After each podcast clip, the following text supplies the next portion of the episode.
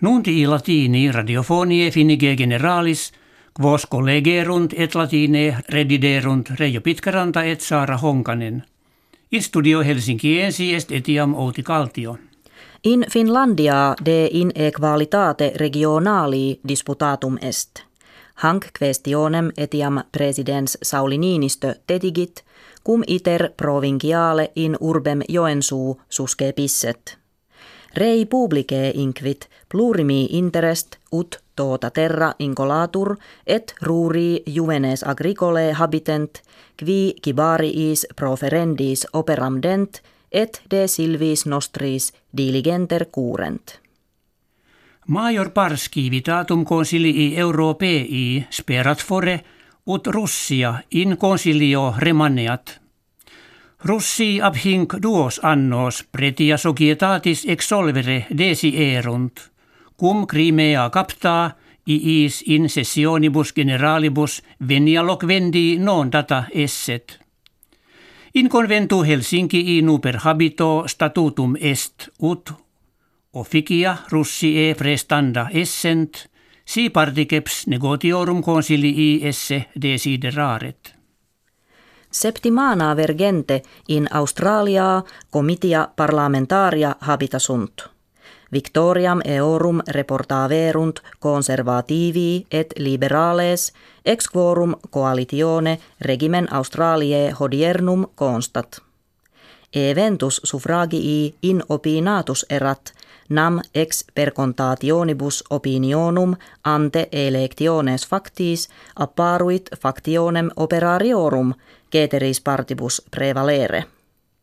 Colloquia comitialia imprimis ad economiam et mutationem climaticam pertinebant. In Austria scandalum politicum ortum est quod effegit ut regimen dissolveretur et in civitate mense septembri nova comitia haberentur.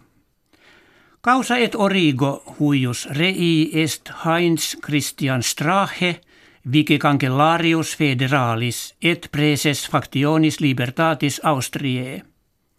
Is enim repertus est cum oligarchis Russie collusisse, ut ab iis diversa commoda acquireret.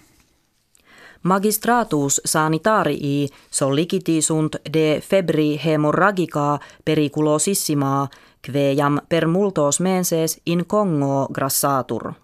Ex eo morbo ebola vulgo dicto, post mensem augustum amplius mille homines mortuisunt et numerus contagiorum usque augeri videtur. Opera medicorum e grotos curantium difficilior redditur conflictibus militaribus qui illam regionem vexant.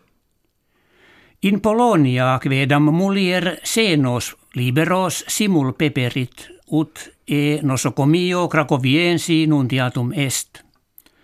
Casus tam rarus est ut talic vid semel inquattur aut quinque miliardis partubus fere fiat. Infantes equibus quattuor filiae, duo autem filii sunt, per sectionem caesaream in mundum venerunt. Mater et liberi bene valere dicuntur. In Bavaria Germanorum novum dinosaurii genus repertum est. Ex fossili eius alato apparet illum animantem avis similem fuisse – quipequi in modum avium hodiernarum alas agitare posset. Quam obrem inventum regens factum multum ad investigationem volatus avium conferre existimatur. Hec habuimus, kve vobis hodie referemus valete.